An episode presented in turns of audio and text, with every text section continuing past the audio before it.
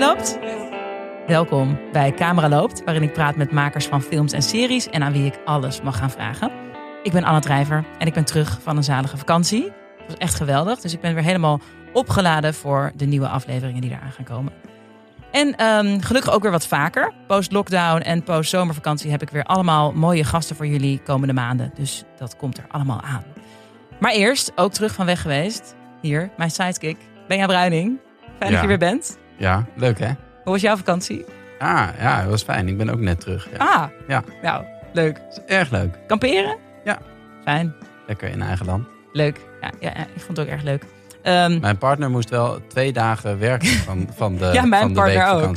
Ben jij speelt in een serie, ja, dat moest dan weer, moeten we altijd tijdens vakantie. Dat, zo gaat dat in het leven, zijn we dan gewend. Ja. En, ehm, maar ja, we zijn er weer. En eh, jij bent een tijdje er niet bij geweest. maar Jij moest Leuk dat je er weer bent. varen, omdat je dat zo leuk vindt. Ik moest ook op een speedboot. Met wie we ook op een boot waren een keer. Oh my god, ik heb een bruggetje, Bruggetje. gebouwd. Eh, is de, mijn geweldige gast hier. Hij zit hier eh, namelijk met de regisseur van onder andere Nieuwe Buren, Vissa, Mokromafia en Hoogvliegers, Bobby Boermans. Yo. Heel leuk Yo, yo, dat je er bent. Eindelijk. Ik had je al lang op mijn lijstje, maar het was... Superleuk andere om te zijn. Nou ja, wat ik zei, eh, ik, eh, eh, ik luister heel regelmatig. Dus ik vind het Yes. heel leuk. Ik, vind het, ik vind het gewoon heel leuk. Ik vind het heel leuk eh, dat je gewoon heel veel collega's hoort. En over het vak en eh, een beetje de diepte in. in. Nice. Ik, eh, zeker ben een vervent luisteraar al van aflevering 1. Nice. nice En heb nice. je ook heb je je voorbereid? Heb je bedacht Nee, wat je dat, gaat zeggen? dat- voor de nee, dat dingen? niet. Dat Ah. niet. Maar- Maar dat is niet erg. We gaan zo praten over wat je allemaal aan het doen bent. En je bent nu vol aan het filmen voor Macromafia seizoen 3. Daar ga je straks naar de set. Daar gaan we straks over praten. Maar eerst nog even leuk nieuws. Je kunt namelijk eh, met ons en met andere luisteraars samenkomen op de nieuwe pagina vriendvandeshow.nl slash camera loopt. Daar deel ik van alles rond de show en de show notes en eh, van alles. En je kunt ook bijvoorbeeld vragen stellen. En eh, je kunt doneren. Dat is ook mooi. Bijvoorbeeld voor 2,50 per maand. Dat is een soort vast ding. Dat, ja, dat helpt mij om de podcast te maken. En dan blijft er gewoon weer om de week een nieuwe aflevering komen. Dus dat is het, het plan. Dat kan nu. En daar kunnen we ook napraten over de aflevering. Dus eh, leuk als je komt naar vriendvandeshow.nl slash camera loopt. En ik heb nog iets, een andere update van de set. Er is natuurlijk wel een pandemie gaande, laten we dat niet eh, vergeten. Er wordt wel weer gefilmd, dat is heel mooi nieuws.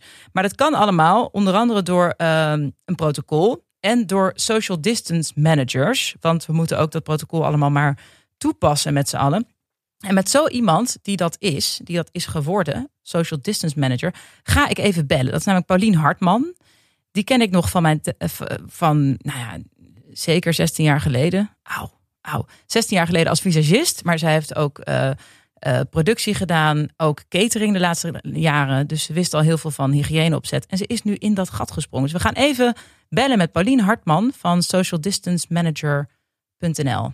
Hi Paulien, wat Helemaal fijn dat, Hi, je in, dat ik met je kan bellen. Hey, vertel, wat, wat, eh, hoe ben jij social distance manager geworden? Ik ben social distance manager geworden doordat ik thuis zat eh, door de corona. Zoals de meeste van ons. En een cateringbedrijf had die ontzettend op zijn gat lag. En ik dacht, nu kan ik twee dingen doen. Ik kan thuis op mijn bank blijven zitten of ik kan actie ondernemen. En toen heb ik eigenlijk gewoon op Facebook geroepen dat ik social distance manager was. Met het idee, eh, ik weet eh, dat je de anderhalve meter moet handhaven. Ik heb hygiëneachtergrond uit make-up en catering. En volgens mij heb ik een redelijk goede stem om iedereen luid en duidelijk te vertellen dat ze de afstand moeten bewaren. Nou, dat klinkt eigenlijk heel simpel en logisch ook wel, of zo. En, en wat, eh, wat, wat bieden jullie? Wat, hoe helpen jullie een, een productie verder?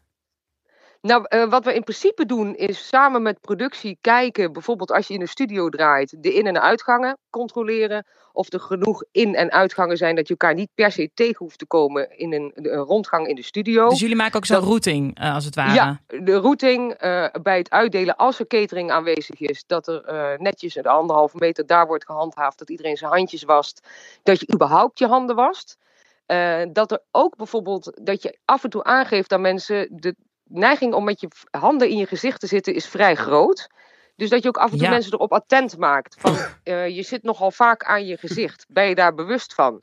Want dan kun je daar rekening mee houden dat je wat vaker je handen wast. Ja, En Eh, dat mensen als ze, als ze van het toilet afkomen, maar je komt ze tegen, dat je even checkt: heb je je handen gewassen? Ben je netjes met al je hygiëne omgegaan? Ja, helemaal prima. En dat je niet alles aanraakt wat je de hele dag tegenkomt. Want dat is ook iets ontzettend menselijks. Benja je- niest hier door dit item heen. Het is ongelooflijk. Maar goed, er gaat ook een, een pot desinfect rond. Inmiddels zitten we allemaal te desinfecteren. Dus Oh. dat is wel, eh, wel nou, dat is hier. hartstikke goed. Ook, ook de vloer wordt gedesinfecteerd bij jullie. Ja, precies, precies. Hey, en pikt iedereen het altijd als jij eh, met, een, met een hesje aan even mensen wijst op die afstand? Staan mensen ervoor open? Ja, ik, mensen staan er zeker voor open. Mensen zijn zich namelijk ook heel erg bewust van het feit dat als wij er niet meer rondlopen, dat we misschien wat sneller stoppen met het filmen. Dat wij eigenlijk ook een van de redenen zijn waarom er gefilmd mag worden. Omdat er dus iemand de hele dag aanwezig is om te zorgen dat iedereen de afstand houdt en zich desinfecteert. En zich netjes aan alle regels houdt. Dus je bent er ook echt van, vanaf voor het ontbijt tot en met na de rap. Je bent de hele dag aanwezig om te zorgen dat iedereen Ja, zich daar ja. eh, volledig aan houdt. En dan merk je wel eens, natuurlijk heb je af en toe een chagrijnige blik, zo van, oh, daar heb je er weer met een gezeur. Maar over het algemeen genomen, en als je het een beetje leuk brengt met een kleine glimlach op je gezicht, dan is iedereen heel erg bereid om met jou mee te werken. Ja. Dus dat is heel fijn. En wat zijn de drukste plekken of de moeilijkste momenten op zo'n set? Dat mensen toch dicht bij elkaar komen? Achter de monitor. Oh ja. Dat is Ah. toch wel een, eh, een dingetje van. van het, het is altijd leuk en gezellig achter de monitor. En lekker knus met z'n allen. Dus er zijn nu veel meer monitoren op een set aanwezig. Zodat je eh, apart met z'n allen Ja. je eigen schermpje hebt. Zelfs dat er een verbinding is naar heel vaak naar je mobiel. Dat je zelf op je eigen mobiel kan meekijken. En dus Ja, heb je dat ook, Bobby? allen- Ik zie Bob- Bobby Boermans hier knikken. Ja, oh ja. Dus dat je allemaal Ja. echt eh, dan Dat maar iets kleiner eigen- kijkt. Ja, op je eigen schermpje kijkt. En dus eh, wat, ja, je, hebt min, je hebt gewoon minder het contact met elkaar. Wat je normaal op de set gezellig met z'n allen achter de monitor. Ja, je staat precies. nu met z'n allen gezellig op je eigen En schermpje. met je te kijken. vingers op dat scherm een beetje wijzen. Ja. Ja, ja. Eigenlijk en dan wel modern in zekere zin. natuurlijk. Want dat doen we allemaal toch? Lekker op ons eigen schermpje kijken. Ja. Ja. leven. Ja, ja, we zitten lekker allemaal op ons eigen scherm te kijken. ja. En Dus ehm, is- hoeveel mensen eh, zetten jullie aan het werk? Of op hoeveel sets ben je actief? Wij hebben nu een pool van eh 16 mensen die voor ons eh, werken. En dat is natuurlijk de ene dag zijn er iets meer aan het werk dan een andere dag. Maar in principe wordt er elke dag wel door twee à drie mensen ergens een eh, klus door voor ons gedraaid. En het is van reclames, van commercial shoots tot, tot alles eigenlijk. Ja, eigenlijk alles. Commercials, series, films. Maar nog niet in het theater. Nee, nog niet. in het theater. Dat moet natuurlijk wel gaan komen, want dat is eigenlijk nog eh, eh, een tak die helemaal op zijn gat ligt. ja, precies. Tell me about it. Ja. Ja. Dus daar zou ook nog wel eh, jullie eh, slagberoep eh, iets kunnen Ik betekenen. hoop dat we daar ook nog een keer een eh, slag kunnen slaan, ja. Ik Ja. heb wel wat, met wat theatermensen gemaild om te kijken of wij daar enige betekenis in kunnen bieden. Maar ze komen heel vaak terug met het enige verhaal: het is binnen, het is binnen, het is binnen. Dus daarom mag het allemaal niet. Mm. Terwijl ik denk, ja, een studio is ook binnen. En daar kunnen we ook filmen met een aantal mensen. Eh, Je kan misschien niet meteen met 500 of 1000 man iets gaan doen. Maar je kan wel voor kleinere groepen Ja. misschien iets gaan betekenen. Dus ik vind dat toch wel een interessante kant om die even Ja. wat meer te onderzoeken. Om te kijken of we daar juist wel iets doorheen kunnen drukken. Zodat kleine theatertjes of juist grote theaters met, met grote zalen kleine groepen kunnen ontvangen. Ja, Zodat precies. je wel je voorstelling kan doen. En dat daar ook weer wat gewoon mensen aan het werk zijn in plaats van thuis zitten. Super, ja, dankjewel. Ik, eh, ik bedoel, dit kan het alleen maar beamen. Ehm Ja, toch? dankjewel en, eh, en, en eh, ga zo door, zou ik zeggen. Voor producties, kijk vooral op, als je het nog niet kende, kijk op Social Distance Manager. Je kan ook het protocol downloaden. Je ziet gelijk wat je op de call sheet moet schrijven. Je kan het gewoon overnemen. Dat vond ik ook heel handig dat jullie dat Ja. allemaal aanbieden. Ehm, Maar kijk je, kijk je nou met angst en beven eh, uit naar het einde van de pandemie, omdat je dan weer eh, catering moet gaan doen? Of, of denk je van, eh, ik kan niet wachten eigenlijk? Eh, Het heeft natuurlijk een beetje een, dubbele, eh, een idee bij mij ergens. Want qua werk gaat het voor mij nu fantastisch goed Ja. en eh, heel lekker. en het is ook heel leuk om weer heel even de andere kant van de filmset te, kri- mee te krijgen. Dus op de set te staan. Maar ik mis ook het gezellige samen met elkaar ergens hangen. En eh wijntjes drinken en leuk doen. Dus Ja. ik zie toch liever het weer gewoon eh, het, het, ou- oude normaal, wat nooit meer terugkomt. Maar het iets meer gezellig met elkaar zijn eh, heb ik liever dan deze coronaregels. ja, dat snap Ja. ik. Fijn. Nou, dankjewel. En eh, zet hem op. Ik eh, ga Ja, het graag volgen. gedaan. Dankjewel. Super. Dankjewel. Dag. Dag, dag. Nou, je kunt dus eh, eh, Jasper delen, dat is haar collega, en eh Paulien Hartman. Dat kan je vinden op Social Distance Manager. Nou, ik vond het interessant. Toch? Ik bedoel, eh, dit bestaat. Wat een ook weer moderne achternaam delen, toch? Dat doe je toch ook Jasper veel Delen. op je eigen schermpje delen. Nou ja. Dankjewel. Fijn dat je er weer bent, Benja. Bobby Boermans. Wat Ja. te gek dat je te gast bent. Ehm, je bent hier al vaker voorbij gekomen. Onder andere toen we het hadden over eh Nieuwe Buren. Toen ben jij en ik dat aan het draaien waren. Toen eh, ja, heb jij geregisseerd. Heb jij vier seizoenen lang geregisseerd. En wij hebben in het vierde laatste seizoen eh, gespeeld. En in de aflevering met Thijs Reumer. Kunnen jullie ook gewoon terugluisteren. Daar ging het ook al over Mokro Mafia. En ehm, daar heb jij eh, vier afleveringen van het eerste seizoen gere- geregisseerd. En daar ben je nu ook al mee bezig van derde. Ja. Had je een idee toen, way back, het eerste seizoen, dat het zo'n hit zou worden? Dat het zo zou aanslaan? Mokkelmafia bedoel Ja. Nee, totaal niet. Nee, nee, nee. eh, het boek eh, kwam al een keer eerder op de set voorbij van Nieuwe Buren. Toen ik met Thijs aan het draaien was. En ehm, toen dacht ik, nou, good luck finding a director, zeg maar. Nee. En toen eh, kwam het na anderhalf jaar kwam het toch weer een soort van terug. En, ehm, en volgens mij hadden ze niemand gevonden die, die daar zijn vingers aan wou, wou branden. En toen dacht ik, hmm, dan is het toch wel interessant. Maar waarom dacht je dat mensen het niet zouden makkelijk zouden oppikken? Om hoe het boek geschreven is? Nou, Of- ik dacht wel dat een bepaalde, eh, bepaalde groep, een bepaalde groep eh, ja, eh, jongeren, zeg maar, het zou, zou oppikken. Maar dat het, dat het toch vrij groter zou worden, dat had ik niet voorzien. Ik dacht, ja, maar het is toch iets, denk ik, wat, wat onderhuids of zo bij jongeren leeft. En ook natuurlijk gewoon maatschappelijk gezien. Ehm, dus, maar ja, dat het zo'n impact zou. Nou, ja, ik denk dat het, omdat het ook voor een bepaalde generatie is die online zit, die elkaar allemaal taggen, die eh, de- met de influencers en weet ik veel. Ja, dan eh, krijgt het op een gegeven moment best wel een soort sneeuwbal-effect. Maar waarom, waarom dacht je dat het moeilijk zou zijn om een regisseur ervoor te vinden? Ehm, nou, de, het project had al, eh, was al eerder bij Ali B eh, beland. Die heeft op een gegeven moment eh, de rechten teruggegeven. eh, en daar ja, klonken allemaal verhalen van, omdat er opeens jongens op kantoor stonden.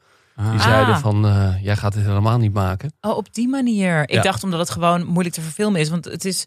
Ik heb het niet helemaal gelezen, moet ik bekennen. Maar het is nogal als een journalistiek Ja, het is gewoon heel feitelijk. Best Het is droog. ja, ja, het is gewoon van, heel en toen feitelijk. dit en toen dit en toen gebeurde dit en die auto brandt uit daar. Dit, Ja. die, die, dus het is niet, het leest niet als een lekker vet ding of zo. Het is Nee, journalistiek. precies. En dat was ook echt wel in de eerste scripts was het even een soort van, oh, oké, eh, je moet hier personages van maken, je moet hier verhaallijnen van maken en, en ehm, je moet hier een verhaal eh, van maken. En dat, eh, dat kostte ook even moeite in het eerste seizoen om dat allemaal eh, goed op de rails te krijgen. Maar dat, eh, En Oscar van Woensel die heeft ook meegeschreven, Ja, toch? ja, Heb ja. jij eh, de, de schrijvers bij elkaar gezocht of waren die er al? Of... Nee, die waren er al. Eh, dus op eh, Ashar en Oscar en Achie en Thijs... die hebben in het eerste seizoen ook de polish gedaan. En ik heb mijn feedback geleverd. En dan gingen we bij elkaar zitten. En dan, ja, en dat dan iets meer kloppend krijgen. Om het ook voor mezelf gewoon als regisseur begrijpelijk te houden. En het zijn zoveel personages... eh, en, en zoveel verschillende verhaallijntjes en, en groepen...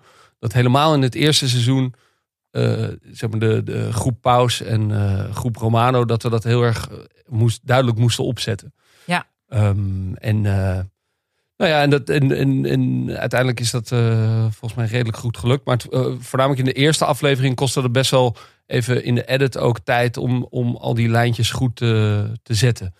En, ehm, Is dat iets klassiek dat je eigenlijk, eh, of bedoel je dat je, in de, dat je de edit van aflevering 1 later nog weer hebt eh, Ja. ja, dat is volgens Ja. mij altijd, heb ik het idee. Ja, zo'n eerste aflevering is gewoon altijd best wel lastig. Omdat je, je wil tempo maken. Je wil toch de kijker er me- me- me- meteen eh, bij betrekken.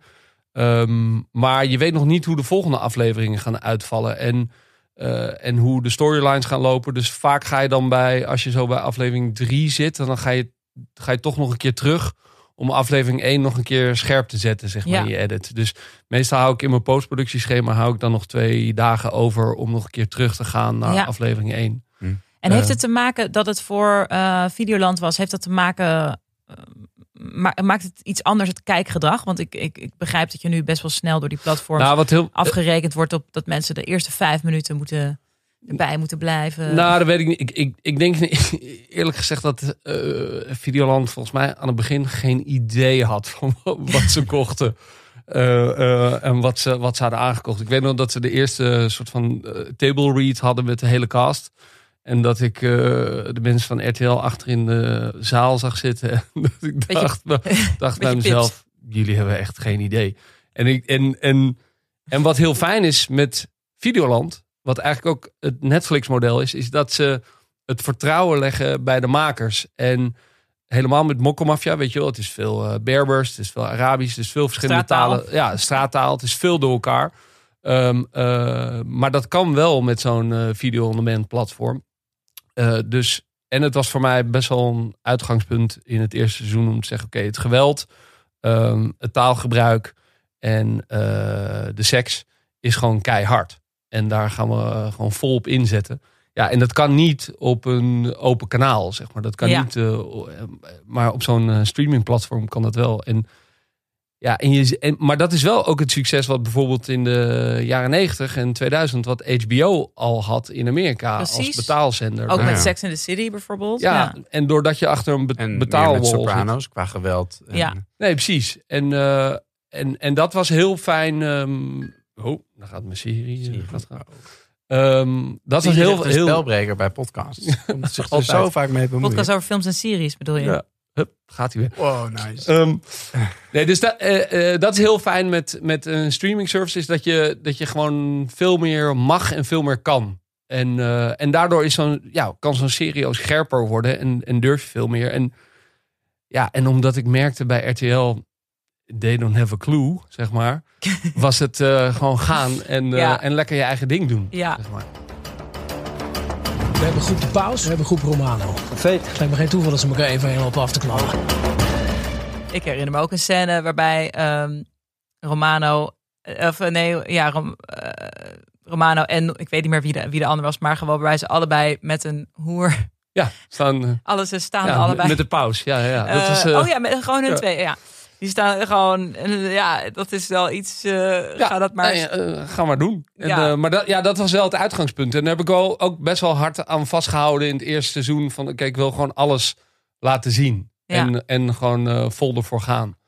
En dat, eh daar moet je dan af en toe voor vechten. En dan moet je ook gesprekken over hebben met eh, je acteurs en met je actrices. En, ehm, maar dat, is, ja, dat was wel iets wat ik gewoon heel erg eh, in mijn onderbuik voelde. Van ik wil daar gewoon aan vasthouden. Ja. Want dat, ja, mensen zijn zoveel gewend tegenwoordig, weet je wel. Mm. Dus, eh, en dat, ja, dat is gewoon heel lekker met Mokkelmafia in het algemeen. Is dat het, is gewoon scherp, het is eigen, het is die straattaal. eh, dat, dat kan je er ook bijna niet, niet in regisseren, weet je wel. Dat is gewoon, heel veel gasten zijn gewoon zo. En dat, Heb je daar met casting ook, bedoel, daar heb je ook rekening mee gehaald met Ja. casting, dat Ja, je dus ja, ook, eh, ja. dus, en met schrijven ook. Dat Er, staat gewoon, eh, mag ik van jou eh, de drugs? En zij maken daarvan... Nou, de, de, de, de eh, Achie is bijvoorbeeld heel goed daarin. Die doet, eh, die doet heel vaak ook een polish gewoon op, op straattaalniveau, zeg maar. Ehm, eh, en die gasten snappen het ook, weet je wel. Mhm. En, en als je voelt van, oh, maar deze guy, die gaat dit gewoon... Inderdaad, er staat een zin, maar hij verzint nog drie andere straattaalwoorden ertussen. ja, het wordt alleen maar doper en het wordt Ja. alleen maar vetter ervan. die Dus camera gewoon draaien. ja, gewoon let's go. En Shotjes delen. ja, en het, maar het is, het, het is ook altijd een soort van. Het is altijd raar, want zeg maar die straattaal game of die. Nou, die is gewoon. Het, het is ook een soort eh alpha mannetjes game de hele tijd. Dus ja. het is gewoon wat anders dan, dan dat je bijvoorbeeld nieuwe buren staat te draaien. Dus ehm, eh, ja, je, je bent dan altijd een soort leraar. Die als, als Je gaat niet mee in de straat. Nee, ik Yo, probeer me daar actie. juist een beetje. Ik, ik probeer me. de- Ik, nou ja, ik Ja, heb me hip-hop wel- videoclips ge- gedraaid, dus ik ben wel. Ik weet wel een beetje, maar het is niet dat ik eh, in de Bijlmer ben opgegroeid of zo. eh, eh. dus ehm, ja, je, je probeert altijd een beetje soort afstand te houden, maar tegelijkertijd moet je een beetje respect krijgen nog van de, van de cast. Ja, ja. Dat, dus jij eh, denkt, ik, ik hou me gewoon bij mijn eigen taal. Ja, en, en, dat, en ik merk dat acteurs dat ook wel weer fijn vinden. Weet je wel, dit is gewoon dat er een soort schoolleraar is die zegt van je begint daar en dan hier en dan, loop je daar naartoe, pak je het glas en dan. eh, Ja. Dus eh, nee, dus ik, ik, ik probeer niet, ik, in die zin, eh, ik ben niet eh, zo straat als die gasten zelf.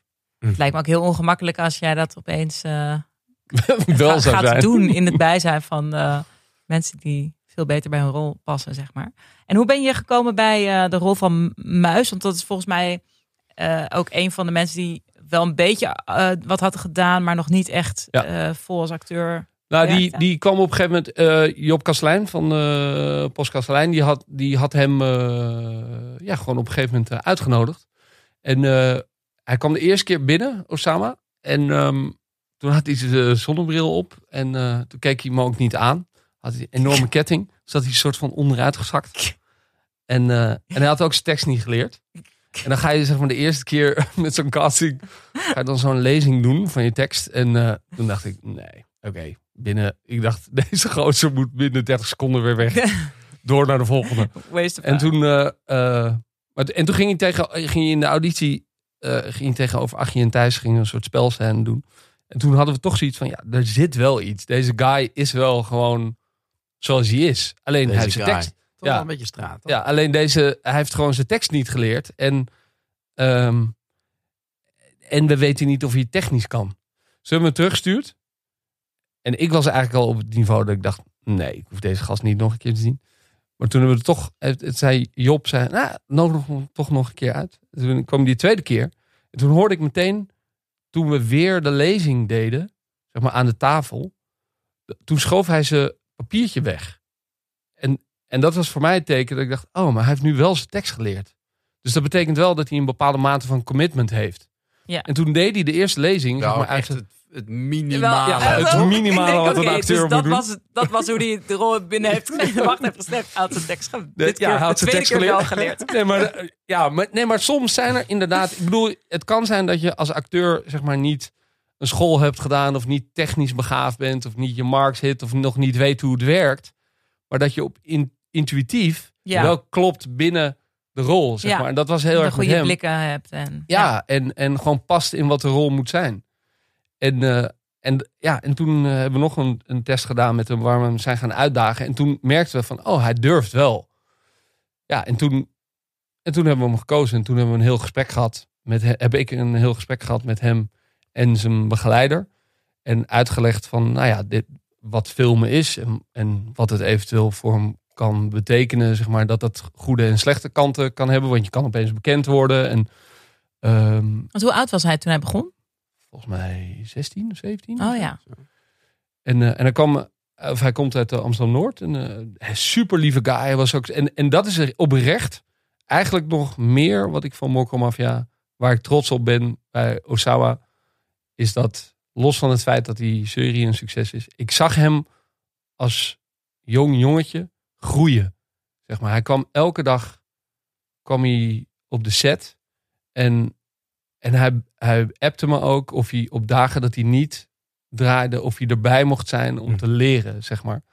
En, en ik weet nog dat hij op een gegeven moment met Ma- Marinka, de focuspoeler, dat hij op een gegeven moment ontdekte wat een focuspoeler doet. En dat hij zei, wayo, dus elke stap die ik maak, eh, zit iemand gewoon helemaal mee te gaan. En, Hm. en, en, hij, ja, en ik zag hem gewoon groeien als, als jonge, jong gastje, zeg maar. En Ja. dat hij. eh, en eh, en hoe, ja, hoe die daarmee om moest gaan. En, en, en daarbij deed hij het gewoon als natuurtalent op camera. Deed hij het heel goed en klopt het gewoon bij de rol. Ja, ja. Ja. zeker. Heeft, Wat, heeft hij enorm goed gedaan. Dat wat is, grappig. En, niet- en, Ik kwam toevallig net tegen nog. Oh ja. Ja. En heeft hij, eh, heb je het wel eens eh, gehad met hem, zeg maar, een jaar later of bij, bij aanvang van seizoen 2 of over die eerste casting? Denkt hij nu ook van, oh, wat deed ik daar? Of, eh, of Ja, nou, nee, maar dat weet hij zelf ook wel. Dat Ja, is, precies. Ja, hij is gewoon, hij is gewoon of ongemak of zo, toch? Of zo. Nou ja, het is gewoon, je, je bent nog nooit in deze, helemaal die, die straatboys, die zijn gewoon, ja, is gewoon eh, niet fokken, zeg maar. Als hun cool wordt door, doorbroken, Mhm. of hun shit zit niet goed, of je benadert ze op de verkeerde manier, ja, dan, dan, dan eh, er zit altijd een soort eh, starheid en een soort coolheid in. En het moet kloppen en het moet... en, de- en, en dat had hij aan het begin heel ook. En hij is nu veel meer als mens ook gewoon veel meer open Ja. geworden. Zeg. Dus ehm, Mooi wel. ja, ik ben, daar ben ik eigenlijk stiekem het meest trots op. dat dat En, ik hem ehm, heb zien groeien. toen, eh, toen wij dan Nieuwe Buren draaiden, toen was het uit. Toen was het verschenen. Toen kreeg hij volgens mij elke dag eigenlijk wel DM'tjes op Insta. Van mensen die in, die in wat dan ook er nog zou gaan komen van Mokromafia wilden Ja, spelen. dat is bizar. Is dat dat, gaat, en dat eh, gaat het tot op de dag van vandaag gaat dat door. Ja, dus je, je kan gewoon een heel leger aan, aan acteurs en jongens. Ja, op een gegeven moment hebben we ook een apart e-mailadres aangemaakt bij Postkastlijn voor Mokko Mafia, de serie. Echt? Postkastlijn. Ja, omdat we kregen echt 5.000, 6.000 aanmeldingen of zo. Van, Ah. eh, Nice. dus, eh. Ik bedoel, bij, bij mij valt het nog mee. Kijk, mij weten ze ook te vinden, maar bij de acteurs Bij en bij Achie ja. en zo, Ja. het stroomt helemaal vol. En, eh, eh, maar het is ook de meest hilarische shit krijg je binnen. Want het is gewoon eh, mensen die voor zichzelf een rol hebben, hebben bedacht. en zo. Of, eh, of mensen die zeggen, hé, hey, eh, ik kan crimineel worden of acteur. Bepaal jij maar. Oh, Oh, Dat, nou. oh Voel je je dan een schuldig als je dan daarna iets in de krant Of, leest? of hele persoonlijke verhalen. Nee, dus het is super vlijend. Alleen, ik heb ook, ge- ook gemerkt dat als je daarop gaat reageren... dan kom je in een soort web terecht en dan kom je er niet meer uit. Nee, oh dat ja, is gewoon... eh, nee, want je kan ook niet dingen beloven. Nee, je die kan niks beloven. En, en bovendien doen wij het castingproces binnen Mokko Mafia. doen we ook met z'n allen. Dus we doen, ik, ik, eh, nu dit seizoen doe ik met Victor Ponte, eh, met Achie, eh, ja, met al andere mensen, met schrijvers, eh, met de podcastlijn. Dus je, het is niet dat ik daarin een soort van de beslissende Hmm. keuze continu maak. Eh, we doen het, het is echt een soort team effort, weet je wel. We kijken gewoon wie past er het beste. Ja.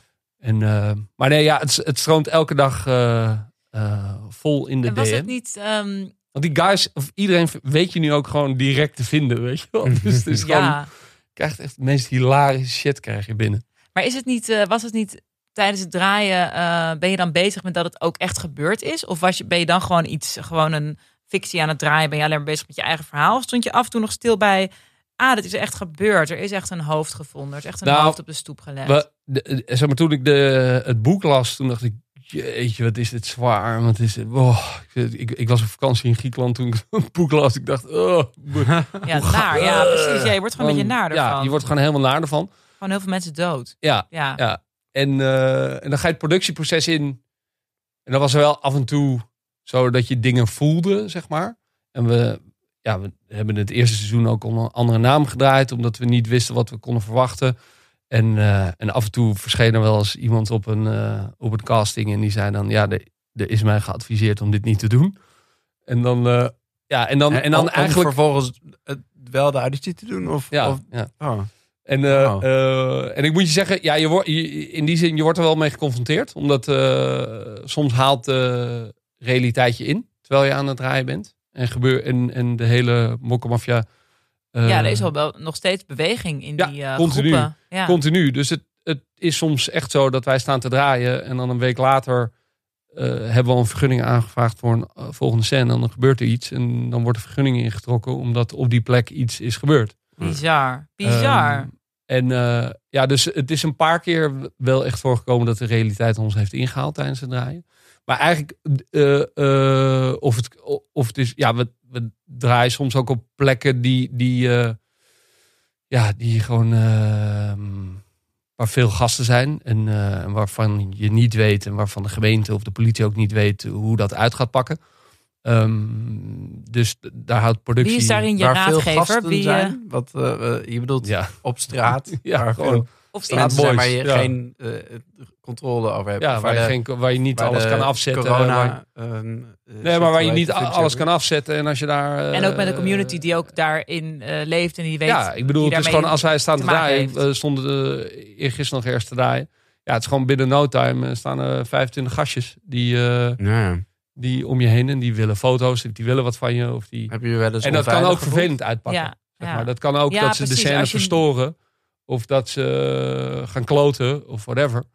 Ehm, dus je, je eh, productie houdt in die zin met de gemeente en met de, en met de politielijntjes. maar ik moet zeggen, als regisseur vergeet je dat eigenlijk. Dus je, eh, tuurlijk, soms gaat er een locatie niet door omdat we de vergunning niet krijgen of dat soort dingen.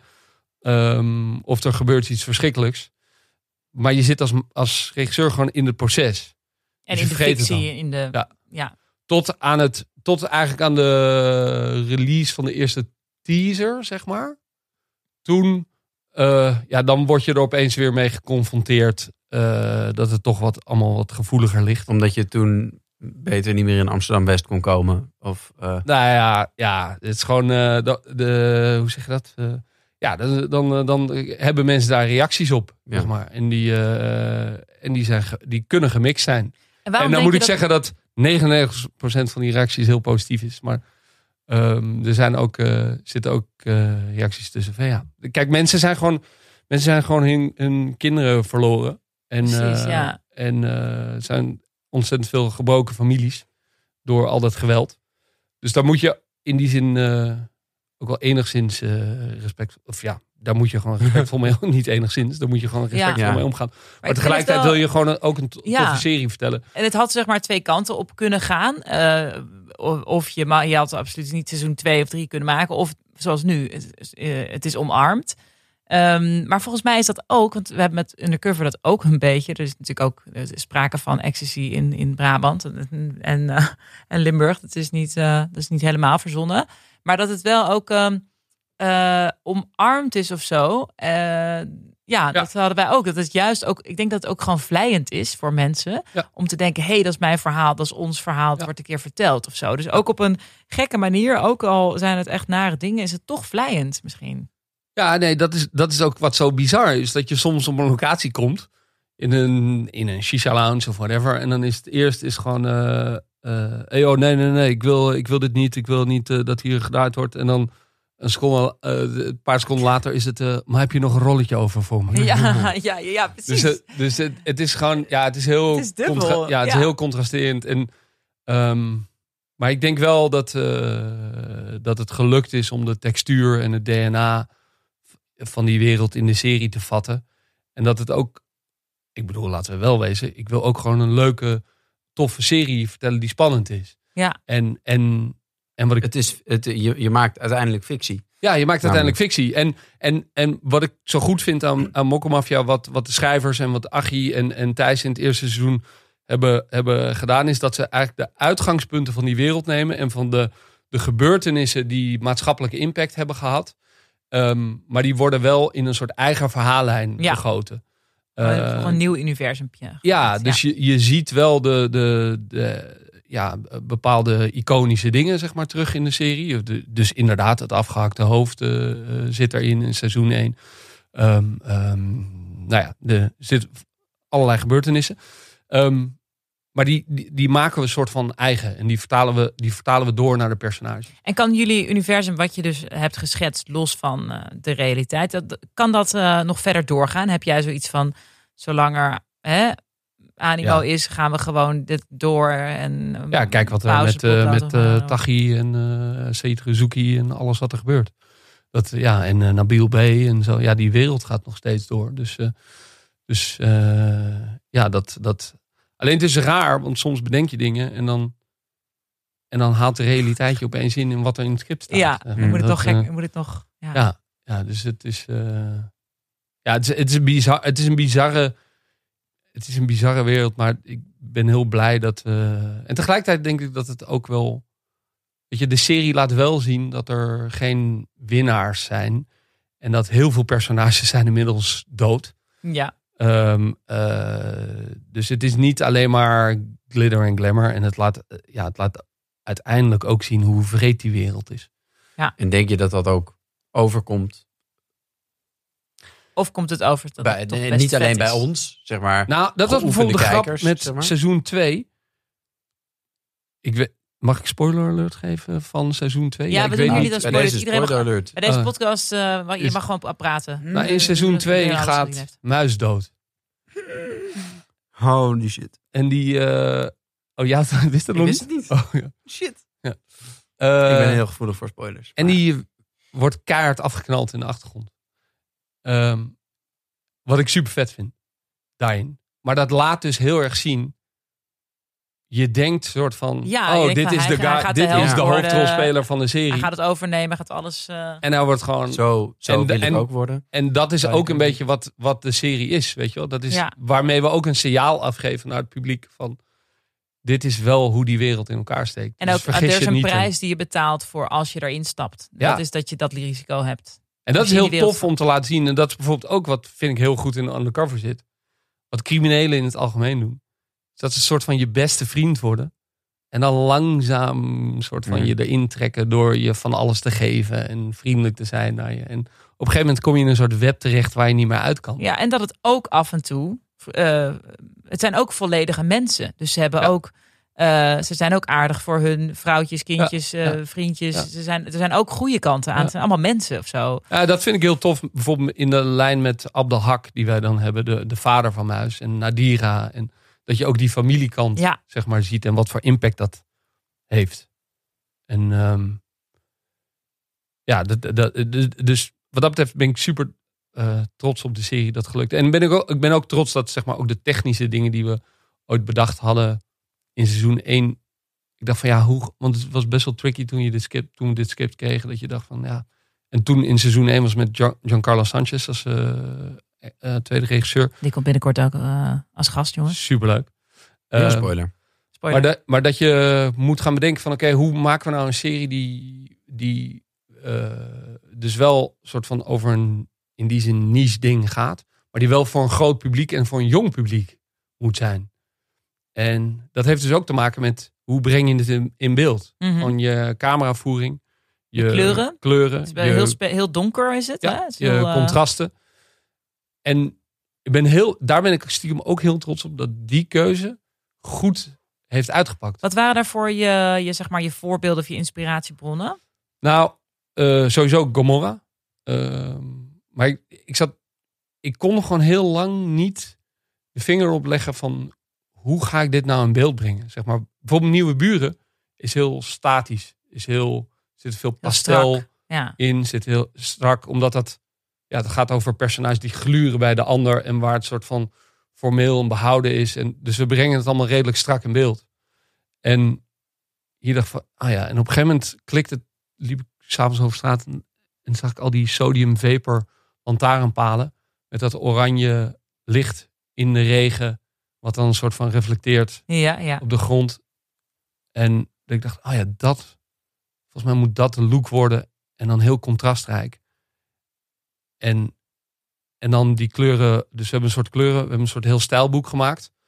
En gezegd van, oké, blauw, groen, eh, oranje, geel. Dat zijn een beetje de heftige kleuren die we echt gaan inbrengen. En we, gaan, en we hebben van tevoren cameratesten gedaan waar we drie lutjes, dat zijn look-up tables, die je eigenlijk in de camera draait van tevoren. Ehm, waar je de contrastsetting al bepaalt. En daar hebben we eh Daan Nieuwhuis, dat is de cameraman, en ik hebben eh, eigenlijk voor de dagscènes, voor de nachtscènes ehm, en voor de bui- en interieurscènes hebben we bepaalde technische contraststellingen gekozen. Dus dan neem je het al op op die manier. Dan ga je het Ja. niet in de post Ja. op die manier Nou, bewerken. in die zin, je, je, je neemt het log op, maar je zet het er al, al zo in, zodat de Je houdt er colorist, rekening mee. de colorist dan weet zien. wat het, Ja. wat het moet worden. Ja, ja. Eh, en iedereen op de set ziet ook al wat het gaat Ja. worden. Ja, Zeg maar. en, eh, Best wel Insta-filter, of niet? Ja, ik, ik ja, heb het is zoiets van... eigenlijk, nee, precies. Ja, het is eigenlijk alsof eigenlijk je, een Insta-filter. Dat je al weet, van dit is de wereld. ja, precies. Zet het er En, even op. eh, en, en dat werkt heel goed, want alles, zeg maar, je kleding, je, je make-up, je, je haar, je achtergrond, eh, ja, dat, dat heeft daarmee te maken. En, en, en tegenwoordig zie je dat, weet je, op blockbusters, daar zit steeds meer contrast in, daar zit steeds meer kleur in. Eh, ja, dus we ze hebben toen best wel een, een heftige, voor een Nederlandse serie, laat ik het zo zeggen, best Ja. wel een heftige keuze Ja. gemaakt. Ja, af en toe is het in een bar en is alles opeens Ja. roze licht op iedereen's gezicht. Best wel, knalt best wel. Ja, en, daar en ik, ben heel blij dat die keuze positiefheid heeft uitgepakt. Ja. Maar dat, ik was daar best wel bang voor van, oh, dit Omdat het eigenlijk best extreem artistiek is voor hoe eh, ja, realistisch het speelt gewoon in hier en nu en deze tijd. Ja, precies. stad. Maar dat, en dat was ook precies een beetje de, de, de keuze daarin. Dat ik dacht, oh ja, we gaan wel voor handheld. En we gaan wel proberen, nou ja, het cliché dicht op de huid, zeg maar. Maar, maar wel proberen dat soort van in een commercieel ding. Dat het wel, want ik had wel de hele tijd in mijn achterhoofd van, ja, het is wel voor Videoland. Weet je? Ja. Het is wel voor een commerciële partij. Het is niet dat ik het voor art maak of zo, weet je wel. Ja. Dus er moet wel gewoon een publiek naar kijken. En er moet een jong publiek naar kijken. Dus hoe maak je het visueel aantrekkelijk voor een jong publiek? Ja, En eh, ja, daar ben, ik, daar ben ik heel blij om. En dan gelukkig zijn alle, alle eh, bijvoorbeeld Mink en Fieke die de kleding hebben gedaan. En, en ehm, eh, en Robert Stouthamer die make-up heeft gedaan, die valt dat allemaal eh, gelukkig goed op zijn plek. Omdat Ja. die, die mensen, ja, dat Die je een bepaald eh, duidelijk uitgangspunt kiest, zeg maar. Tof. Wat ik ook goed gelukt vind, is het in principe het geweld. We, we zijn nu met heel veel Netflix en HBO zijn we zo gewend dat, dat er een, een eh, dat als er geweld is, dat het eigenlijk een sequentie is bijna. Weet je wel? Dat je ehm, omdat er zoveel budget is en alles moet maar meer en groter en, en beter. Wa- Waardoor een, een afrekening, die is dan Weinig impact mee heeft. nou, eigenlijk ja, Ja. Je, je weet al van, oh ja, dit, is een, dit, dit, dit, dit gaat een boogje worden. Ja. Dit gaat de komende minuten, en dan gaan allemaal au- autoramen sneuvelen en weet ik Ja. veel. En het, is, het wordt eigenlijk al, of ja, ik vind het dan een beetje saai worden. En, en misschien wel doordat er hier uiteindelijk toch minder budget is, Ja. dat werkt wel in jullie voordeel, vind ik, dat, het op, dat, dat dingen gewoon hoekiger zijn daardoor. Ja, en Ja, je maakt af en toe lulligheid keuzes. maakt ook indruk. Als het gewoon iemand op Ja, maar dat zit klaarlichte ook al heel in verhaal Amstelveen bij, de, bij de auto het inladen van de boodschappen neergeknald wordt. Die lulligheid. Dat, het, dat kan je natuurlijk ook prachtig met een drone en prachtig in beeld. Maar, maar het is ook best lullig eh, gedaan. Nee, precies. En dat zit gewoon in je decoupage. Dat je denkt van, ja, maar hoe komt dit nou het hardst of het gruwelijkst of het, het heftigst binnen, zeg maar. En dat, is, en dat is als je...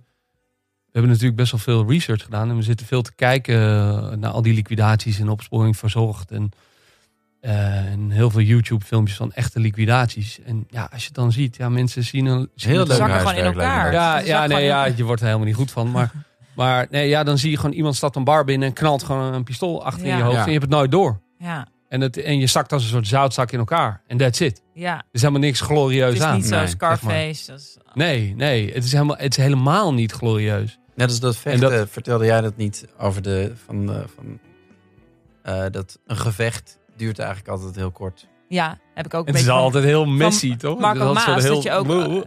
Ja, en ook dat mensen veel minder klappen kunnen incasseren. Ja, Echt, pak, pak, klap en je gaat neer. En je gaat neer. En Ja. in de film is het echt incasseren, incasseren, door, door, door. Maar dat is eh, omdat we dat gewend zijn. Zijn we elkaar daarin gaan, op, op, eh, zijn we gaan oprekken. En, daar, en daar denk je dan ook wel over na in de decoupage. Dat je denkt, oh ja, maar als ik dan hier gewoon... Dit doe ik even heel full frontal, gewoon recht in de lens. Pam, kogeltje in de kop. En dan, en dan trek ik even uit naar een totaal om even te laten zien hoe bizar het eigenlijk is. Weet je wel? Ja. En, Naast een en dan doen we nog even twee scho- schoten daarna om nog even tak het te zien. En, eh, dat, ja, en dan, dan creëer je ook een soort bizarre afstand weer of zo.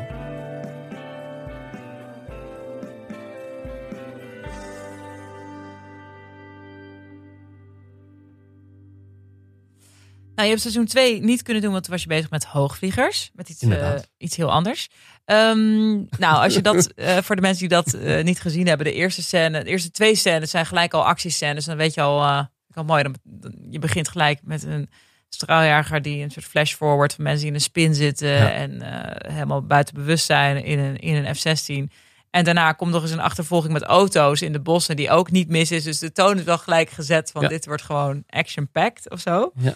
Ehm, technisch dacht ik echt ook van, oh my god. Eh, ik heb hier ook gezeten in een aflevering met eh, Dennis Klein van, eh, voor de Visual Effects. Die heeft er ook aan meegewerkt. En ehm, ik had inderdaad niet door wanneer, eh, welke, wanneer ik met welke straaljager te maken had. Zeg ja, maar. precies.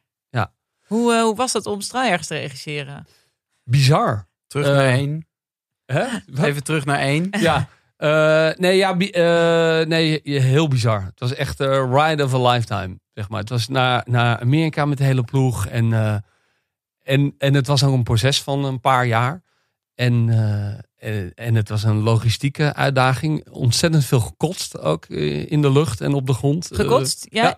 Oh, jij ook? Of mensen? Ja. Iedereen? nee, de, ook mensen van de crew ook gekotst. Ja? Eh, ja en, jij bent heb, ook niet eh, een luchtpersoon? Of, of... Nou, ik heb ergens op een gegeven moment eh, is er iets misgegaan toen wij in een cameravliegtuig op een berg afvlogen met twee straaljagers.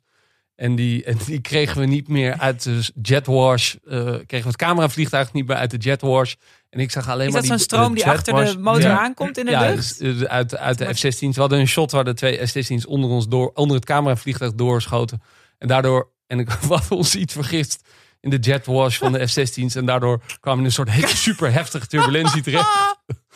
En, eh, verschrikkelijk. en eh, we vlogen op een berg af. Oh, en, eh, niet aan denken. en, en de cockpitdeuren stonden ook open. En alles begon te piepen. En zo, "Tut, tut, tut, terrain, terrain, pull up, pull up. En We hadden twee Texaanse eh, piloten, Ron en John. En die zeiden dan helemaal, how do we shut her up? How do we shut her En, ehm, en we vlogen op een berg af. En Ik ik, zou me meer ik dacht letterlijk, ik heb letterlijk, ik bedoel de hele crew moet hier ook altijd om lachen. Want ik dacht gewoon letterlijk, het is de enige ervaring in mijn leven dat ik, ik denk 50 seconden oprecht dacht, ik ga dood. Oh my. Echt, maar, maar Dit meestal, kijk, als je, als je een auto hebt, als je een auto hebt dat je bijna een ongeluk hebt, dan is het even twee seconden. Ja. Ja, zeg maar. ja, En dan is die adrenaline weer uit Ja, je lichaam. Voel je in je Maar beentjes ik dacht gewoon je knietjes. 50 seconden lang, wij gaan nu met dit vliegtuig op deze bergen af. Dus jij keek rond, je dacht, dit is mijn crew, dacht, dit zijn ja. de mensen. En ik klapte er ook helemaal uit in de lucht. Ik werd, en Lennart, die, de cameraman, Wat heb, je, wat heb je geroepen? ik, eh, ik, werd, ik, ik, ik werd dus, eh, t- toen we de, het vliegtuig eruit kregen, toen klap, ik klapte ik eruit en toen heb ik gezegd, ik kan me niet schelen, ik wil nu terug naar de grond. Ik ben klaar met Hoe deze je, je productie. klapte eruit? Ik snap niet. Ik, nou, ik zat, we zaten in de lucht, in de bergen in Ja. En we hadden allemaal low altitude shots van dus twee F-16's die door de bergen heen knallen. En, eh, en, ehm, ja, en, en we hadden dat turbulentiemoment en ik dacht gewoon dat ik dood ging. En toen heb ik gezegd, ik wil nu dat die F-16's teruggaan naar de grond. En ik wil naar de grond, ik wil vaste grond onder mijn voeten. ja, Ik ben klaar met deze Ja, productie, ik ga terug naar huis.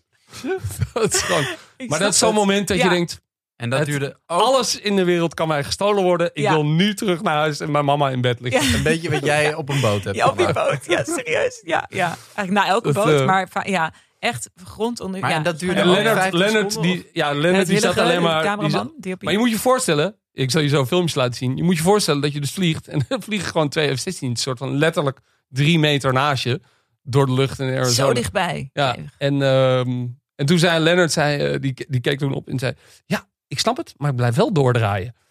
En toen- Denk ik ook wel zijn karakter Ja. in een notendop, toch? en, Snap dat eh, je doodgaat, dat je het moeilijk vindt, Bobby. Maar ik ga voor mijn shot. Dankjewel. En, eh, ja, en toen hebben we mee. We hebben, en dat was ook echt een mega ervaring. Het is gewoon een mega ervaring als je in een vliegtuig zit en je moet opeens twee F-16's naast je regisseren. En je hebt allemaal ingewikkeld. En sowieso met F-16 piloten en, en briefings. En in Amerika ook, met, hè? met gevechtsvliegtuigen. En eh, Militaire ehm, taal en zo. ja, en het was fucking vet. En het was, eh, op een gegeven moment hebben we ook eh, low altitude of eh, ground-to-air shots gedaan. Dus dat is van de grond. Toen hadden we zeg maar twee, drie dagen gevlogen in de lucht. En toen gingen we nog vanaf de grond. eh, en toen ha- hadden die gasten van, eh, van de luchtmacht, die hadden gezegd, oké, je moet daar eh, naartoe, op die berg. En dan op dat tijdstip. En dan eh, komen wij langs vliegen. Toen waren we met, en alle gasten zeg maar op de set, die hadden zoiets. Ja, dit gaan we nooit meer meemaken. Dus wij, wij gaan wel mee. Dus eh, de gaffer en de camerassistent, iedereen was mee. En, eh, maar dat was, voor hun was dat 10 minuten vliegen. Voor ons was dat gewoon vijf uur zeg maar rijden. Oh ja. Oh, ja, en, de, en de weg werd ja. steeds... En dat was een soort van bij de grens van Mexico ergens was het in de bergen. Ja, en eh, Hele op een hoge gegeven moment muur moest jullie opeens. ja, en toen, en dat was letterlijk Border Patrol, die stonden dan Oh ja. opeens, dan gingen we zo de bergen in en stond opeens midden in de Amerikaanse woestijn, stond dan opeens zo'n Border Patrol, die stond op de uitkijk op zo'n berg om de hele Mm. vallei af te scannen. En, eh, en op een gegeven moment moest zij de, kwam de camerabus vast te zitten. Maar we hadden ook een pick-up 4x4 bij ons. En En, en de waypoint, zeg maar, waar we hadden afgesproken met die piloten, die was nog een, berg, een paar bergen verder. Toen was het, ja oké, alles cameraspullen in die pick-up truck en, eh, en doorrijden. En, maar de, de terrain, zeg maar, werd steeds moeilijker. En op een gegeven moment dachten we, ja, kut, we hebben nog maar 10 minuten en dan komen ze, komt die overvliegen. En dan is het ook klaar, want die vliegen over, die zijn weer weg. Nou, Dus ze hadden gezegd- daar komen ze in Nee, de ze hadden gezegd, eh, wij, wij doen een, eh, wij hebben sowieso dan nog eh, trainingsmissie. Dus eh, dan houden we nog twee uur jet fuel over en dan, eh, en dan komen we naar jullie toe vliegen.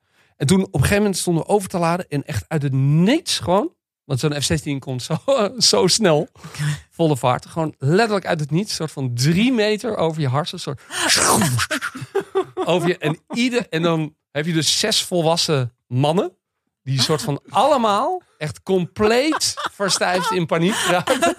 En Evert ook, de opname lijkt.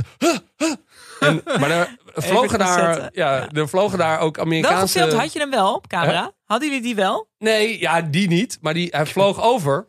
En toen zeiden wij zo, ja, maar ze zijn te vroeg. hij, of hij is te vroeg, hij is te vroeg. En toen hadden we zo'n satelliettelefoon, zeg maar. Zo van VHF radio, dat je met de piloot kan praten. En toen, eh, tut, tut, en dan hoorden we zo, ja, eh, ik, eh, toen hoorden we Nicky, dat is de piloot. Die zeggen, ja, ik eh, zag jullie bus staan, ik eh, ben jullie eh, trail gevolgd. En eh, ja, ik zie dat jullie nog aan het opzetten zijn, ik blijf hier wel even hangen. En dan, en dan was het een soort van, in paniek, ah, de, de camera's opzetten. En toen zijn we, zijn we gaan draaien. Ja, en dan sta je opeens te regisseren met een F-16 die gewoon de hele tijd Super om je heen singelt. Nou, wat er dan door je lichaam heen gaat. Dat is wel een, een hele hoop kerels. Beyond een jongensdroom. Ja. Zo vet. Mooier dan dat wordt het misschien niet Nee, echt te- niet. techniek. Ik, was ook, wij waren ook echt letterlijk met de hele ploeg een soort van drie dagen totaal van slag. Want het, het is zo heftig als Ja. een F-16 zo hard over je hoofd heen jakkert. En dan Waarom- gewoon een uur zeggen van ja, kom maar door die vallei, kom maar daar vandaan, kom maar daar vandaan. Uh, onge- ja, die kans, ik bedoel. Maar waarom wilde de EO, hè, de omroep EO, waarom wilde de EO deze serie over F-16's? Wat heeft dit Maken. met God te maken? Nou ja, dat, Nou, dat, dat kwam af en toe wel bij me op. Ja. Nee, zeker, dat snap ik. Eh, nou, de, eh, zij hebben bijvoorbeeld ook, eh, eh, hoe heet die nou? Eh, missie. Eh, die, die? Aarde? Ja, Nee, en, eh, en Kamp Holland hebben ze gedaan.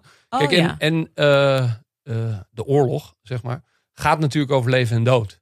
En dat is nog een soort domein waar grote Hmm. levensvragen dan zeg maar, worden opgegooid. En, en op de een of andere manier hebben zij dat als omroep. En Defensie, Defensie en EO, dat is dus al een langere klik. Nou, die, die eh, connectie die had Errol gelegd. En daar lag een heel ontwikkelingstraject aan vooraf. En uiteindelijk ehm, heeft de producent gewoon een pitch geschreven. Ehm, en de EO sloeg daar heel erg op aan. En de, de incentive zeg maar, voor de luchtmacht om er, en het ministerie van Defensie om er mee te werken, was ehm, dat zij veel vliegers opleiden die toch in een opleiding op een gegeven moment kiezen voor de commerciële luchtvaart.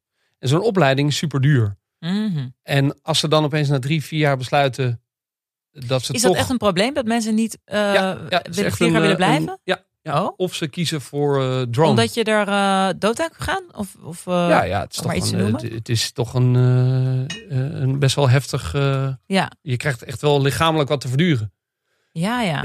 En, of, of mensen kiezen voor, voor dat ze toch liever drone-piloot willen, willen worden.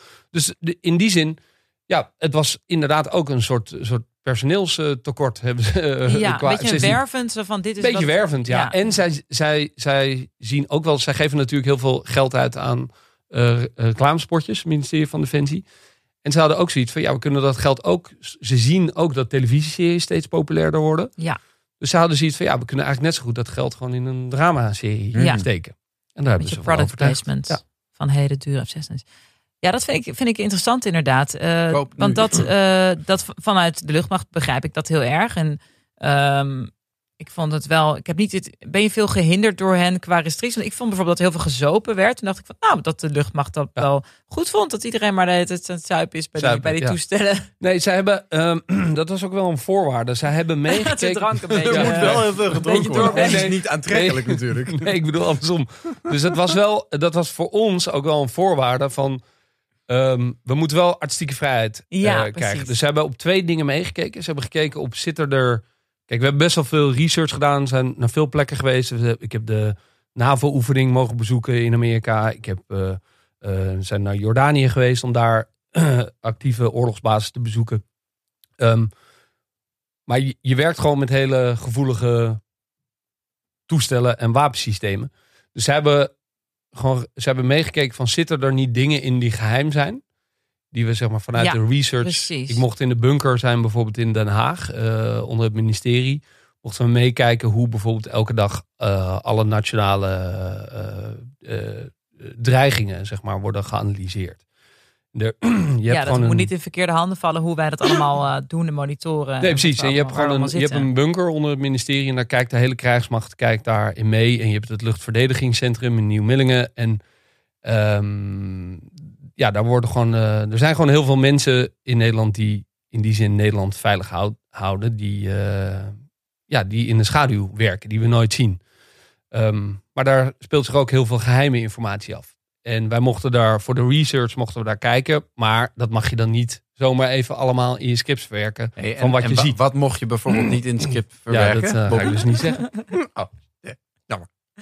Ehm, En eh, dus hebben qua, qua eh, zitten er geen veiligheidsissues in die niet naar buiten mogen. Ehm, of, en ze hebben gewoon ge- meegekeken van als, als je als een piloot bijvoorbeeld dingen of een vlieger dingen doet, klopt dat dan wel eh, zeg gewoon maar, met, de pra- met de praktijk? Ja. Dus als je bijvoorbeeld een F-16 zou stelen, hoe doe je dat dan? Ja, Wat, wat zijn de stappen die, maar dat vond ik wel, wel, prettig daar, kijken. Want dan weet ik wel van, omdat, zij, omdat ik wist dat zij mee hebben gewerkt, dan weet ik als zij in een toestel zitten, dan hebben ze waarschijnlijk de pakken en de helmen Ja, aan ja, die het ook echt eh, ja. zijn. Ja, dus zij, ze hebben zeg maar dramatisch gezien, dus bijvoorbeeld de, rij, de rol van Gijs Scholten. Ja, dat is best wel een, een generaal die, sche- die, die, die, eh, Die discutabele, met, eh, ja, die discutabele dingen doet. Nou, dat snappen zij ook en daar geven ze ons totale vrijheid in. Mm. Ehm, maar, ja, maar ze hebben wel bijvoorbeeld eh, wel meegekeken op locatie. Van ja, daar staan bijvoorbeeld eh, kisten van landen eh, die daar ook trainen of die daar in het geheim staan. Want dat is in Tucson in Arizona, Ja, ja. waar dus meerdere landen hun F-16's laten vliegen. En ja, daar zit de trainingsopleiding zit daar van, eh, van nou, onder andere Nederland, maar nog meer landen. Maar er zitten daar ook la- landen die geheim zijn. En die, ja, die mag je Welke? dan. geheime landen. Ja. Niemand weet. dat. Nee, ja, maar die mag je dan, die, dan mag je niet in beeld brengen. Of er zijn eh, simulatoren, of er zijn wapensystemen die getest worden. Ja, die mag je niet in beeld brengen. Of Dus keek sowieso wel, hoeveel vliegtuigen een land heeft. Ja, daar. precies. Dus eh, er keek wel de hele tijd iemand mee. eh, ook in Jordanië, toen we echt naar oorlogsgebied zijn gegaan. Ja, dan kijkt er gewoon de hele tijd iemand mee over je scho- schouder bij elk shot. Van dat even 10 centimeter naar links. Even, de- Ja, ja. want je kan, zeg maar op een F-16 zit een soort QR-code. eh, als ze bewapend zijn. Eh, ja, een soort technische QR-code, laat het zo zeggen. Als ze bewapend zijn in oorlogsgebied. En als jij de juiste apparatuur hebt, dan kan jij dat weer uitlezen. En dan kan je zien wat voor radarsystemen er in de F-16 zitten. Dus ze kijken gewoon, eh, ze keken gewoon de. Ik had de hele tijd wat we dan noemen een eh, een Public Affairs Officer of een Point of Contact. Die had je dan de hele tijd eh, mee over je schouder, die de begeleiding deed. En die zei wat je wel en niet in beeld moest Ah. nemen. Ja, dus eh, wat dat. Irritant. Nou ja, Nee, ja, ja, je, fijn. je- ja, want maar dan je weet je dat jij gewoon, niet je zit eh, gewoon fouten op begaat. Kan jij, dan kan jij Ja. dat. En, en ze hebben natuurlijk wel met de uitzending hebben ze ook. Je je hebt ook iets dat. Ja, dat wordt een heel technisch proces. Maar je hebt ITAR, International Trades and Armor Regulations. Dat wordt beheerd door de Amerikanen. En als jij bijvoorbeeld een Apache of een Chinook in beeld brengt, de cockpit daarvan is super gevoelig. Eh, daar zitten allemaal updates met allemaal wapens, wapentoestanden in. Ja, dat, dat, dus zij hebben bijvoorbeeld de uiteindelijke afleveringen hebben zij ook, hebben zij ook gescand. Dus je mag, dat, je mag niet zo'n dashboard laten zien in, in een serie, omdat dat mogelijk eh, geanalyseerd kan worden door Ja. de vijand. Ja. Ah. Ja. Ja. Nee, en dat was heel bizar met deze serie. Eh, het was echt op het allerhoogste niveau. Ja, Eh, echt letterlijk tot, Letterlijk, en met hè? het, letterlijk tot en met het Pentagon ook aan toe. ja. Eh, want je moet je maar, eh, ja, je moet maar voorstellen dat wij opeens als Nederlands filmploeg opeens met de F-16's op Amerikaans grondgebied gaan vliegen. Oh ja. Eh, ja, daar moet het Pentagon toestemming voor geven. En op een gegeven moment ja, was dat ook best wel eh, een ding, zeg maar. Dat was, eh, was het dat- spannend of het nog door kon gaan of Ja. niet? Oh ja. dat was, eh, ja, dat was heel spannend. Dat is op een gegeven moment. Donald wilde het niet. Nou, het was een of andere General MacArthur die eh, drie oorlogen tegelijk aan het voeren was. Die kreeg opeens het dossier van hoofdvliegers op zijn desk. en die dacht, wat is Doe dit nou? Dit is- Hoezo dit in mijn, in mijn Ja, backyard? die, eh, en ehm, en eh, ja, dat, dat was toch even. Maar ja, je, je wordt opeens heel erg geconfronteerd met de serieuze geopolitieke en, en militaire belangen van landen. maar ze hebben daar toch geen bewapende F-16's? In Amerika? Eh, een Nederlandse luchtmacht in Amerika, op Amerikaans grondgebied. Zeker Dat mag, wel. dat mag Bobby niet zeggen. Ja, maar Nee, maar zeker wel. waarom hebben ze daar helemaal bewapend en alles? Ja, ze trainen daar. Ze gooien allemaal bommen. Ja, ze gewoon oefenen. Jeetje. Ja. De, Nee, dus, de- eh, de- ik krijg ook een beetje, beetje last van mijn klimaat in mijn, in mijn buik. Dat ik denk van, oh, al die jet fuel en al die bommen die daar gewoon randomly in de woestijn Nee, en wat dat betreft- voor mensen om te oefenen om op een kruisje te gooien. Ja, oh my nee, ja, dat is. eh, maar dat. dat eh, en in Texas ook, daar zitten de helikopter, eh, de, de Apache en de Chinook, eh, het helikoptersquadron, zeg maar, zit, is in, zit in Texas. Eh, ja, maar, nee, maar kijk, het, het, het ding is dat die die mensen moeten gewoon getraind worden. In En Nederland die ruimte niet. hebben wij die ruimte helemaal Nee, niet. Wij nee, kunnen niet laag, laag vliegen. En Dus je hebt een soort driehoek bij de, in de Noordzee. Waar zij mogen vliegen. En, waar ze ook, en je hebt de Vliehorst. Dat is een eh, eilandje Ja. eh, de Wadden, bij de Wadden. Nederland, toch? Ja, en, daar, en daar, daar mogen ze bommen gooien. Echt waar? Ja, ja. Ik dacht dat de Wadden een soort beschermde... Het is toch allemaal handige wormen Nee, er is één, één site, zeg maar. daar mogen ze eh, bommen gooien. Dus daar oefenen ze ook. En ze, voor dogfights in de lucht oefenen ze in een soort eh, driehoek boven de Noordzee. En, ehm, eh, maar zeg maar voor laagvliegen of tactical dogfights of echt landen tegen landen. Ja, dat kan je bijna in Nederland niet doen. Dus Nee. Tactical dogfights. Ik had deze Ja. nog niet. in Nee, ik vind het heel eh, leuk om heel casual te doen over. dat, Ja. ja. ja, dus dat, dat doen ze daar. En, en, eh, en, en de helikopters eh, die zitten dan in Texas. En daar, eh, daar hebben we dan aflevering 7 en 8 grotendeels eh gedraaid. Ja, dat was ook mega. Dat was, eh, Komt dat er dan was- een spin-off van, met- van de helikopter? Nou, ik moet je zeggen, die helikopters waren ook wel... Ik bedoel, we, hadden zes, we hadden zes weken met F-16's gedraaid. Maar die F-16... Kijk, Josja, de acteur, is in die F-16 geweest. Die heeft Hij gewoon... speelt Rutger de Man, hè? De ja, hoofdrol. die heeft die training ja. lopen. Die heeft gewoon die vlucht gemaakt in die F-16. Maar wij als crew Hé, maar niet alleen toch? En met een co als een co-piloot. als, als, eh, ja, dus in de backseat, zeg maar. Maar de, de, de, wij konden als crew niet mee. Dus we staan alleen maar aan de runway. Staan wij Ja. met die F-16. te Zoeven ze langs, ja. Maar- met, die, helikopter? met die helikopters konden wij mee. Dus wij deden ook dan locatiewissels per Chinook helikopter. voor de crew ook een beetje leuk lijkt. Ja. We gaan lunchen. Maar Ja, eh. Dus, dus Joshua heeft dat, die hele opleiding gedaan. Nee, hij Of heeft, hij eh, heeft een een soort eh, snel, snelcursus eh, Ja. gedaan. Hij moet, hij, ja, je moet dan ook echt gekwalificeerd worden. Je mag daar, want ja, als daar iets misgaat, zo'n kist kost eh, 30 miljoen. Als Ja. daar iets fout gaat of er schiet een camera af. Ja, precies. Dus dat, dat was ook met en het, ehm, met het je moet ook eh, tegen wat Er camera kunnen. Had je een, een, eh, er op de F-16 gemount? dan? Ja, we hadden speciaal. Dat is dus heel fijn als je met defensie werkt. Eh, ja, er komt een soort machine in werking. Dat is bizar. En dat is ook, weet je, deze serie is onbetaalbaar. Als zij niet hadden meegewerkt. Deze Ja, serie had ja. 15, 20 miljoen gekost als zij niet hadden moet- meegewerkt. misschien een Dus- kwartier met zo'n F-16 film als je. Precies, dat budget kost op. 15.000 euro per 12 minuten. Dus dat. eh, eh, maar zij, zij hebben dan hun eigen organisatie. De, dat heet dan DMO, Defensie Materieel Organisatie. En die kunnen bijvoorbeeld een camerarik kunnen zij helemaal nabouwen. Dus dan zeg je gewoon zij- helemaal op maat. Dus eh, dan zeg je van nou, die camera moeten we hier. En dan zeggen ze ja, is goed. Dan gaan we dat testen. En dan Zij gaan ze dat zitten daar testen natuurlijk op op. Dat is natuurlijk ook hun expertise. ja, en dan gaan ze dat testen in een laboratorium met G-krachten. Omdat het dus minimaal 9G moet krijgen. eh, moet, moet eh, Kunnen opvangen. Omdat zij niet willen dat zo'n camera natuurlijk opeens poem, daar afschiet en door zo'n canopy heen schiet. En dat je dan zo'n... eh, dus dat werd dan allemaal ge- getest. En dan kregen we na anderhalve week kregen we opeens zo'n ding. En dat Wauw. was helemaal op maat. En daar kon de camera op. En dan eh, vastriggen en dan, eh, en dan lucht in. Alleen je bent er dan niet... Ja, je bent in de vlucht van Josja bijvoorbeeld, ben ik er dan niet bij. De andere vluchten in de, in de lucht ben ik er wel bij. En dan kon ik die F-16's aansturen eh, in de lucht. Maar bij Josja's vlucht kon ik er niet bij zijn. Dus dan leg je het gewoon heel erg uit. En dan speelt hij gewoon als acteur de Ja. hele tijd opnieuw die scène. En kon hij geno- goed genoeg tegen eh, ja, die G-krachten en tegen de atmosfeer om Ja. nog te kunnen acteren? Ja, dat, maar? dat, ik dacht die... Moet je ook eh, maar hebben. Ja, dat moet je echt kunnen. En ik ben erachter gekomen tijdens de opnames dat ik niet uit dat hout gesneden ben. dat is, eh, ik stond op een gegeven moment in Nederland, stonden wij, eh, bo- hadden we bij, bij eh, boven Brabant en Zeeland, mochten wij het luchtruim voor een paar uur afsluiten om dan die scènes te draaien. En dan stegen we op met alle vliegtuigen en helikopter en toestanden.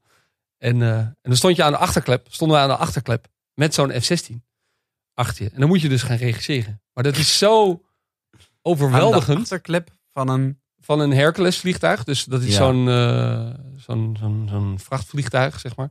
Die aan de achterkant open Ja, kan. En dan oh sta ja. je daar. En dan hangt die F-16 daarachter. en dan moet je maar gaan zeggen, ja, een beetje naar links, een beetje naar rechts.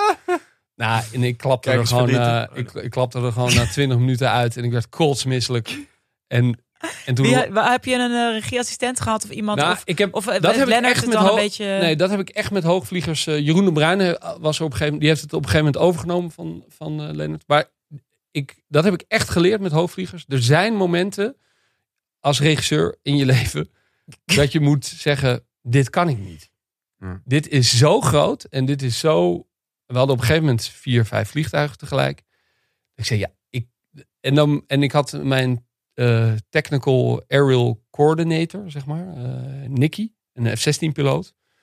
En die kon gewoon heel duidelijk zeggen tegen de kamerhelikopter: Oké, descent uh, to, 200 Ja. feet, we're gonna make a barrel Maar je roll had here to eigenlijk the nog left. niet eerder in je eh, carrière, zeg maar, dat Met punt, vijf dat punt gewerkt. tegen dat, dat punt was je nog niet tegengekomen eh, van eh, eigenlijk je grens van wat je kunt. boven. Ja, van wat je, van wat je Ja. als regisseur kan, zeg maar. En Dus dan loop, ik dacht dan altijd. ik- heb ja, je zo'n en, idee en- van de, de sky's the limit, weet je? Dan, ik- Precies, ik heb en- I got this, I got this. Ja, en nu en- kwam je dat tegen. En nu kwam ik opeens een punt tegen dat ik, oké, nu moet ik ook het regisseren zelf zeg maar, echt uit handen geven.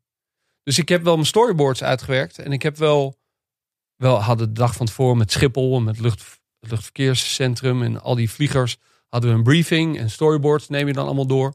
Maar ik werd gewoon scheidmisselijk in de, Ja. in, in Ja. de lucht. En mijn Oh. camera-assistent ook. Echt beklapte helemaal weg, kotsen. En het enige wat ik tegen die gasten had gezegd was, wat er ook gebeurt, doorvliegen. Want ik word waarschijnlijk misselijk. Doorvliegen, doorvliegen.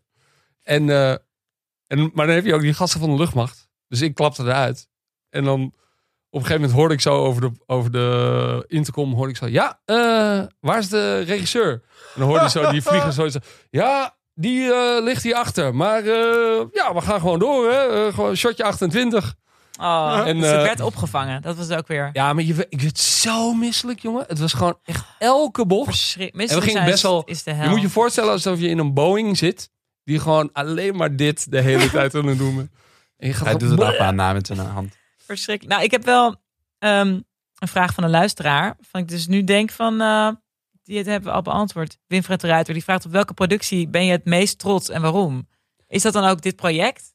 Als je zo, als Nou, ik het zo het even gewoon hoor in jouw los van, van, of, los van wat mensen van de serie vinden. Het was gewoon een ride. Het was gewoon echt een ride voor eh, for life. Die ik gewoon nooit meer ga vergeten. Ook met de hele ploeg. Met de hele crew. Met de acteurs. We zaten daar eh, zes, zeven weken. Met iedereen in Airbnb's. eh, in Amerika. Eh, de- het zijn zoveel ervaringen, zeg maar, die me zullen bijblijven. Net zoals dat wij in Sardinië hebben gezeten, bijvoorbeeld. Ja. Weet je wel, dat, dat ik zal me ook bij, zeggen, als je bijblijven. toch ook... Net eh, zoiets. Ja, maar als, als je, je- reist voor een project, Ja, is het wel dat echt is- intenser. Want dat, dan gaan ze, ben je allemaal Ja. uit je comfortzone, allemaal uit Ja, je... dat, is wel dat, echt- en, dit, en dit was gewoon heel groot, omdat je elke dag op een militaire basis was. Ja. En, en, en het was gewoon heel groot. En op een gegeven moment zeiden die gasten van Defensie, zeiden van... En ik dacht de hele tijd in het ontwikkeltraject van, de, van deze serie, dacht ik, dit gaat niet door. Dit, gaat, dit kan gewoon nooit. dat gewoon too much Dit is. kan gewoon nooit. Stond in aflevering 7 staat een raketachtervolging door de berg. Rutger duikt neer. De F-16 wordt geraakt door een raket. Ik dacht, ja, hoe dan? Weet je wel, dat wordt gewoon een soort van... En toen op een gegeven moment zat ik met Lennart met de top van eh, de luchtvaart. En toen zeiden zij letterlijk van, oké, zeg maar wat je nodig hebt. En toen dacht ik, oké, nou, eh, drie F-16's, eh, twee vrachtvliegtuigen. Een raket, eh, een dit. helikopter, zei- gecrashtoestel. En toen zei zij, en toen zei zij heel serieus van ja, oké, dat is goed. Die, die, die krijg je. Die, die, die. Eh, ja, die Chinook helikopter, dat is even lastig. Want die, we hebben daar laatst het Nederlands elftal mee gevlogen. Maar eh, ja, dat was toch niet helemaal safe. Want er gingen mensen uit de, uit de achterklep hangen en zo. Dus dan moeten we even naar kijken.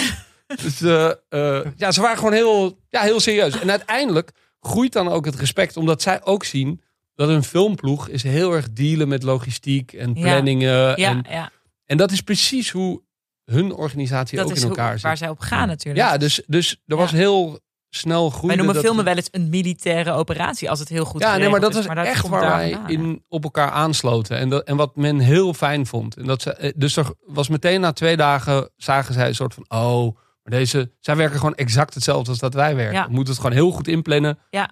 Maar het is gewoon heel raar als we dan vragen...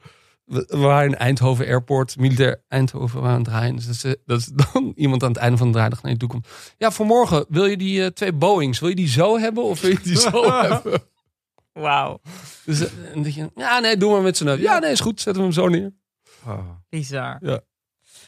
We gaan door naar ehm, eh, ons rubriekje, want we could go on for hours, maar dat altijd. Dat is een goed teken. Ehm, wat kijk jij nu?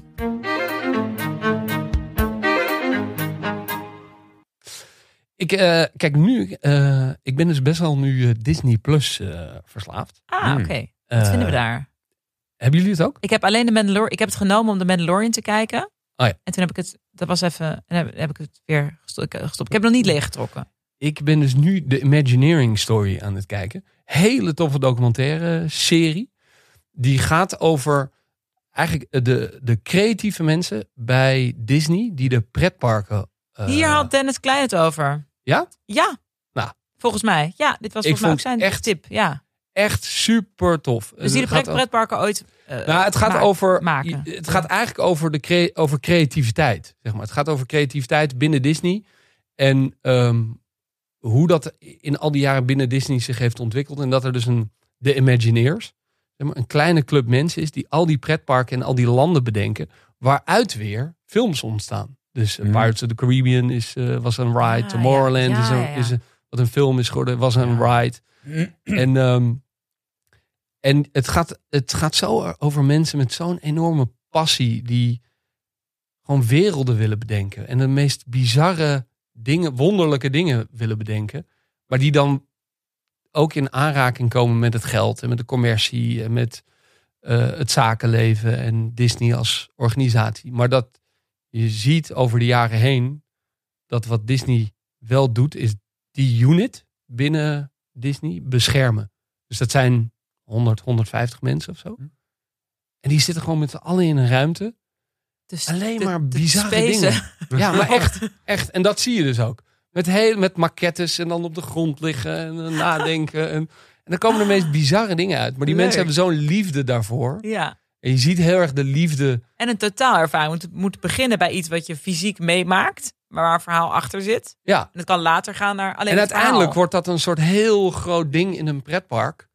Zo'n Cars bijvoorbeeld, wat dan een soort, he, dus een soort hele wereld. Of nu die Star Wars wereld in Disneyland die ze helemaal hebben, hebben gebouwd. Dat iets dan ook, zeg maar, fysiek echt kan worden. Ja.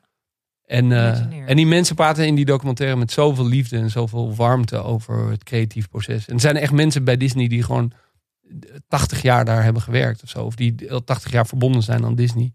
En dat vertelt ook over Walt Disney zelf. En, eh, ja, je ziet echt oude opaatjes die gewoon in, eh, weet ik veel, eh, 1930, eh, nou, dan zouden ze nu al gestorven zijn. Maar nee, die, eh, dat kijk ik nu eh, eh, heel erg. En ik heb laatst, eh, nou ja, natuurlijk de Michael Jordan. eh, Ah, ja. Ja, ja. En ik heb Into the Night heb ik, eh, gekeken. Die eh, Belgische Netflix serie, zeg maar, na Jullie Undercover.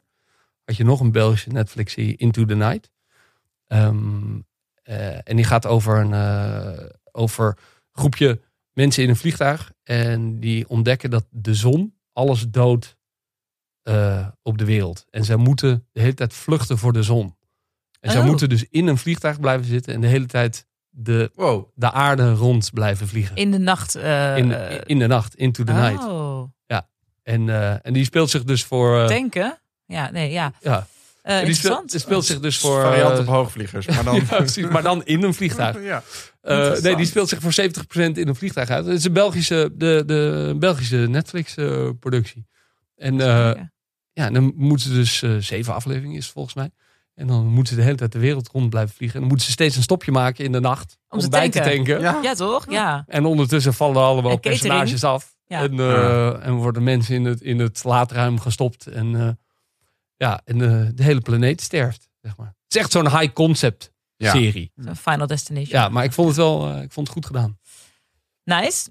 Ik, ehm, ik zit in. Wat kijk jij? eh, ja, ik zit in Succession 2 inmiddels. daar wil ik ook seizoen nog aan 2. beginnen.